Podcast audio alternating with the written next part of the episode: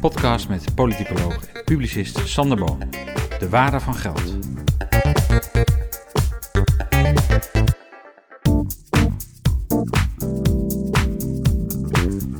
Contant geld is tegenwoordig een zeldzaamheid. Je betaalt digitaal, met een pas, horloge of zelfs met je telefoon.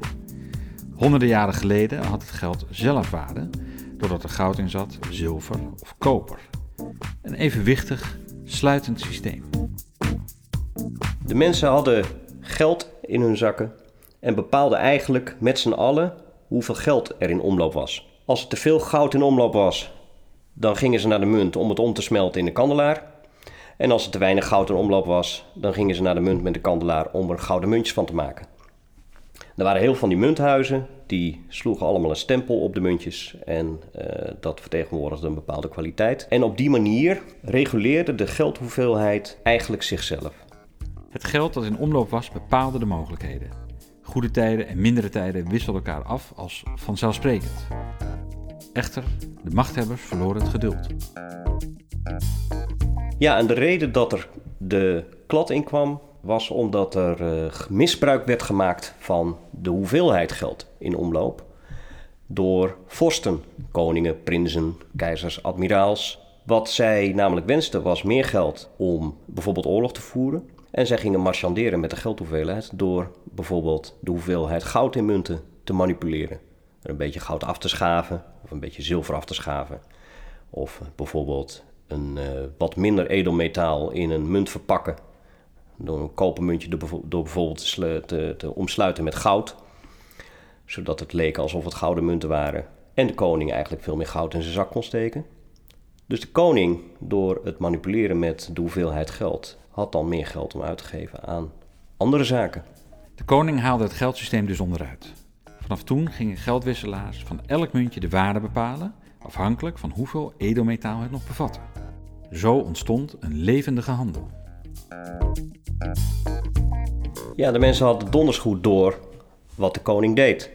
Je had, in Engeland had je Old Copper Nose, zo heette dat muntje. Het was namelijk zo geslagen dat de neus van de vorst op het muntje iets uitstak, zodat de munt in gebruik liet zien dat de binnenkant van koper was. Old Copper Nose. En wat er gebeurde uh, eigenlijk in heel Europa was dat er een levendige handel kwam met muntjes van inferieure kwaliteit. Dus uh, mensen gingen de muntjes met elkaar verhandelen. Want er zat natuurlijk aan die Old Coppernoos zat wel wat goud, alleen de munt was veel minder waard. Dus de muntjes stroomden door geldwisselaars, eigenlijk door heel Europa. En zo ontstond er een levendige handel in, in geld in Europa. Men bewaarde het geld dat nog zijn volle waarde had. Dat gaf men dus niet uit. In het buitenland bracht het namelijk veel meer op. En op deze manier verdween het goede geld naar andere oorden. Mensen hadden natuurlijk heel goed in de gaten dat er het geld van mindere kwaliteit in omloop kwam. En wat ze dan gingen doen, is dat ze het goede geld gingen verzamelen, oppotten. En het slechte geld gingen uitgeven. En het goede geld dat ze hadden verzameld, daar konden ze in een ander land veel meer voor krijgen. Dat had met de wet te maken, want die munt die had een bepaalde waarde. Dat had die koning verordoneerd. En uh, de mensen in het land gingen dus het goede geld oppotten. Daar kwam het op neer. Dat is een wet, de wet, de wet van Gresham, Gresham's Law. Slecht geld drijft het goede geld uit circulatie. En die wet geldt nog steeds. Wat is in onze tijd dan het goede geld? Het goede geld dat bijvoorbeeld in het financieel systeem wordt opgepot, dat zijn de staatsleningen omdat die het meest liquide zijn en het meest veilig. En vandaar ook de negatieve rente. En wat is het slechte geld? Het slechte geld is het geld waarvan de overheid zegt dat we dat moeten uitgeven. Dat is het geld wat, wij, wat ons wordt opgedrongen om mee te betalen. Dat is legal tender. Dat is wat de wetgever zegt dat het geld is wat je kunt gebruiken. In het verleden was het zo dat er ook legal tender was, waarvan de koning zei: dit moet je gebruiken. Maar wat ik al zei, de koning die schaafde daar wat goud van af, of die vermengde het met wat minder edele metalen. En dat betekende dat mensen het goede geld, dus het, wat, het muntje wat nog volledig van goud was, gingen sparen. En dat ze het slechte geld gingen uitgeven. Dat was toen. En in onze tijd hebben we ook te maken met legal tender, met geld dat we moeten gebruiken. Maar dat betekent dat de overheid, het eh, financieel systeem, die maken daar allemaal op hun manier gebruik van. Wat in principe betekent een uitholling van koopkracht van het geld. De ECB zegt bijvoorbeeld dat ze een inflatiedoelstelling hebben van 2%. Dat betekent dat in 30 jaar tijd het geld dat je hebt in je portemonnee in waarde halveert. Dus in die zin is dat op dit moment het slechte geld. Hoe is eigenlijk de overgang verlopen van vertrouwen in goud naar vertrouwen in gedrukt papier? Ik heb een heel leuk boekje, daar staat de geschiedenis van de gulden in. En er staan heel veel fotootjes van biljetten in, in de loop der tijd. En dat gaat over de afgelopen drie eeuwen. En dan zie je dat briefjes ontstonden. Uh, dat was de, de, de tegenwaarde van het briefje was het goud. En dat briefje kon je dan inleveren bij de bank of bij de kassier. En op dat briefje stond aantoonder. Dus dat briefje vertegenwoordigde een hele directe band met de onderliggende waarde. Omdat er vertrouwen was dat dat briefje altijd kon worden ingewisseld, maakte dat dat het eenvoudiger was om het briefje bij je te hebben dan het goud. Vandaar dat er op een gegeven moment een, een idee ontstond om meer briefjes te circuleren dan je goud in de kluis had. Dat is een beetje de achtergrond van het, het bankieren uh, dat minder goed was voor de samenleving, laat ik het zo zeggen. Ja, en wat daar ontstond ook, is dat verschillende bankiers daar mee aan de haal gingen.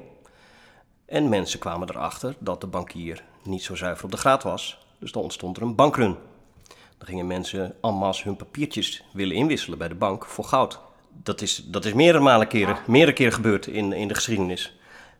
Uh, een van de redenen waarom er uiteindelijk centrale banken zijn ontstaan, is dat er een idee was dat die centrale bank aan die kleine bankjes, die te veel hadden uitgeleend, geld ter beschikking konden stellen om bij een bankrun niet failliet te gaan.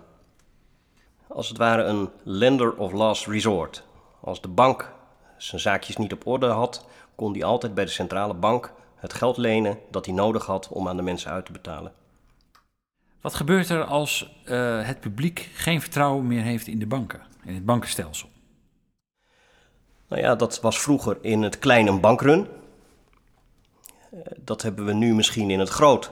Dat overheden niet meer worden vertrouwd. Of de centrale bank die de staatsleningen ook opkoopt. Dat we op een gegeven moment ons afvragen: is de, de, de centrale bank nog wel goed voor zijn geld? Is de tegenwaarde van het uitstaande geld, in ons geval euro's, is de tegenwaarde, dat zijn al die leningen die die centrale bank opkoopt om het systeem te ondersteunen, op een gegeven moment, is dat geld dan nog wel goed? En dan kan het zijn dat mensen zeggen: hé, hey, ik ga misschien in andere zaken beleggen dan in mijn geld. De dag is niet ver meer dat uh, je moet betalen om je geld op de bank te zetten. Dus dan wordt het goedkoper om, om het thuis te hebben in biljetten. Kan je gewoon naar de bank gaan en zeggen: geef mij geld in biljetten? Nou, het, het meeste geld dat circuleert is elektronisch. Wat we in de huidige tijd zien is dat cashgeld eh, heel gewild is omdat de, de, de belegging, het geld dat je belegt in bijvoorbeeld staatslening, is negatief, negatief rendement. Dat maakt dat je je cash eigenlijk ten opzichte van die, die belegging overeind blijft. Dat maakt dat mensen cashgeld willen aanhouden, mogelijk in een schoenendoos of in een kluis, omdat ze daarmee minder hard achteruit rennen dan als ze dat geld op de bank zouden laten staan of aan de staat zouden geven. Je ziet in onze tijd dat, dat het aanhouden van cash en het, het, het, het overmaken van, van geld naar anderen steeds meer aan banden wordt gelegd. Als je naar een pinautomaat gaat, kun je eigenlijk ook steeds minder pinnen. Dus het gebruik van cashgeld wordt ontmoedigd. Er zit ook een modeaspect aan. In Zweden bijvoorbeeld uh, betaalt bijna niemand meer met cashgeld. Er zijn in onze tijd ook academici die zeggen we moeten cashgeld afschaffen. Want uh, criminelen handelen in dat cashgeld en, en, en doen er minder leuke uh, dingen mee. Maar de, de reden natuurlijk is dat als de rente negatief blijft, dat steeds meer mensen het geld uit het systeem halen om in een schoenendoos te doen. En dat is gevaarlijk, althans vanuit het systeem bezien, voor de economie. Ja, dan toch even de, de praktische kant. Hoe krijg ik het voor elkaar om al mijn geld om te zetten in biljetten die ik thuis kan bewaren? Ja, dan zul je je best moeten doen om uh, per dag 500 euro te pinnen. En dan duurt het heel lang voordat je bijvoorbeeld, als je 100.000 euro hebt, om dat uh, cash uh, in je handen te krijgen. Dus dat is, dat is een vrij, vrij lastig proces nu. De techniek van het systeem maakt dat het mogelijk is dat banken geen geld meer naar elkaar overmaken. Dat het vertrouwen van die banken in elkaar wegvalt. En dat als gevolg daarvan het betaalsysteem, waar wij allemaal van afhankelijk zijn, niet meer goed functioneert of niet functioneert. En dat hebben wij in de kredietcrisis ook al een paar keer uh, meegemaakt in Nederland. Bijna dat het geld, uh, dat de, de geldautomaten uh, de volgende dag niet open konden. Op dit moment is er nog geen sprake van een recessie. Er zijn wel geluiden, maar ja, de beurzen staan nog in het groen. En voorlopig is er niet veel aan de hand, lijkt het. Hoe zie jij dat? Je kunt een crisis natuurlijk niet uitsluiten. Er wordt achter de schermen natuurlijk alles aan gedaan om dat te voorkomen. Maar dat maakt dat er ook steeds draconische maatregelen moeten komen om uh, ervoor te zorgen dat het systeem stabiel blijft. we hebben het idee dat we de afgelopen 30 jaar een uh, florerende kapitalistische economie hebben gehad.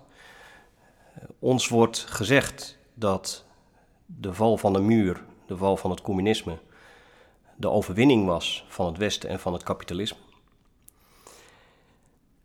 En wat we nu eigenlijk meemaken is dat we zien dat het financieel systeem, dat juist de afgelopen 30 jaar heel erg gegroeid is, dat dat al een aantal jaren stagneert en dat het zogenaamde kapitalisme, zoals wij dat noemden, een kapitalisme was dat eigenlijk werd ondersteund door de belastingbetaler. Dus de risico's die in het financieel systeem werden genomen, uh, die konden worden genomen in de wetenschap dat die financiële instellingen altijd zouden worden gered door de belastingbetaler. De belastingbetaler is de intrinsieke waarde van de uitstaande papiertjes. Als je kijkt hoe, hoe gaan we nou verder, hoe kan het dan verder? Het, het financieel systeem vertoont tekenen van stagnatie. Maar tegelijkertijd wil de overheid natuurlijk geen verlies van macht en van status quo. En dat betekent dat zij waarschijnlijk steeds grotere gedeelten gaan overnemen om de economie draaiende te houden. Wat achteruit gaat is global finance. Maar wat ik al zei, dat is een, een financieel systeem geweest, ondersteund door belastingbetalers in diverse westerse landen. Wat we nu zien is dat de staat, de overheid het overneemt. En het gevaar daarvan is dat de overheid de arbiter wordt, de scheidsrechter van de winnaars en verliezers in de samenleving. En dat dat niet meer een proces is wat in de samenleving zelf tot stand komt. Tot zover Sander Boon over de waarde van geld. We zijn nog niet echt uitgesproken over dit onderwerp, dus we gaan rustig verder. Tot de volgende keer.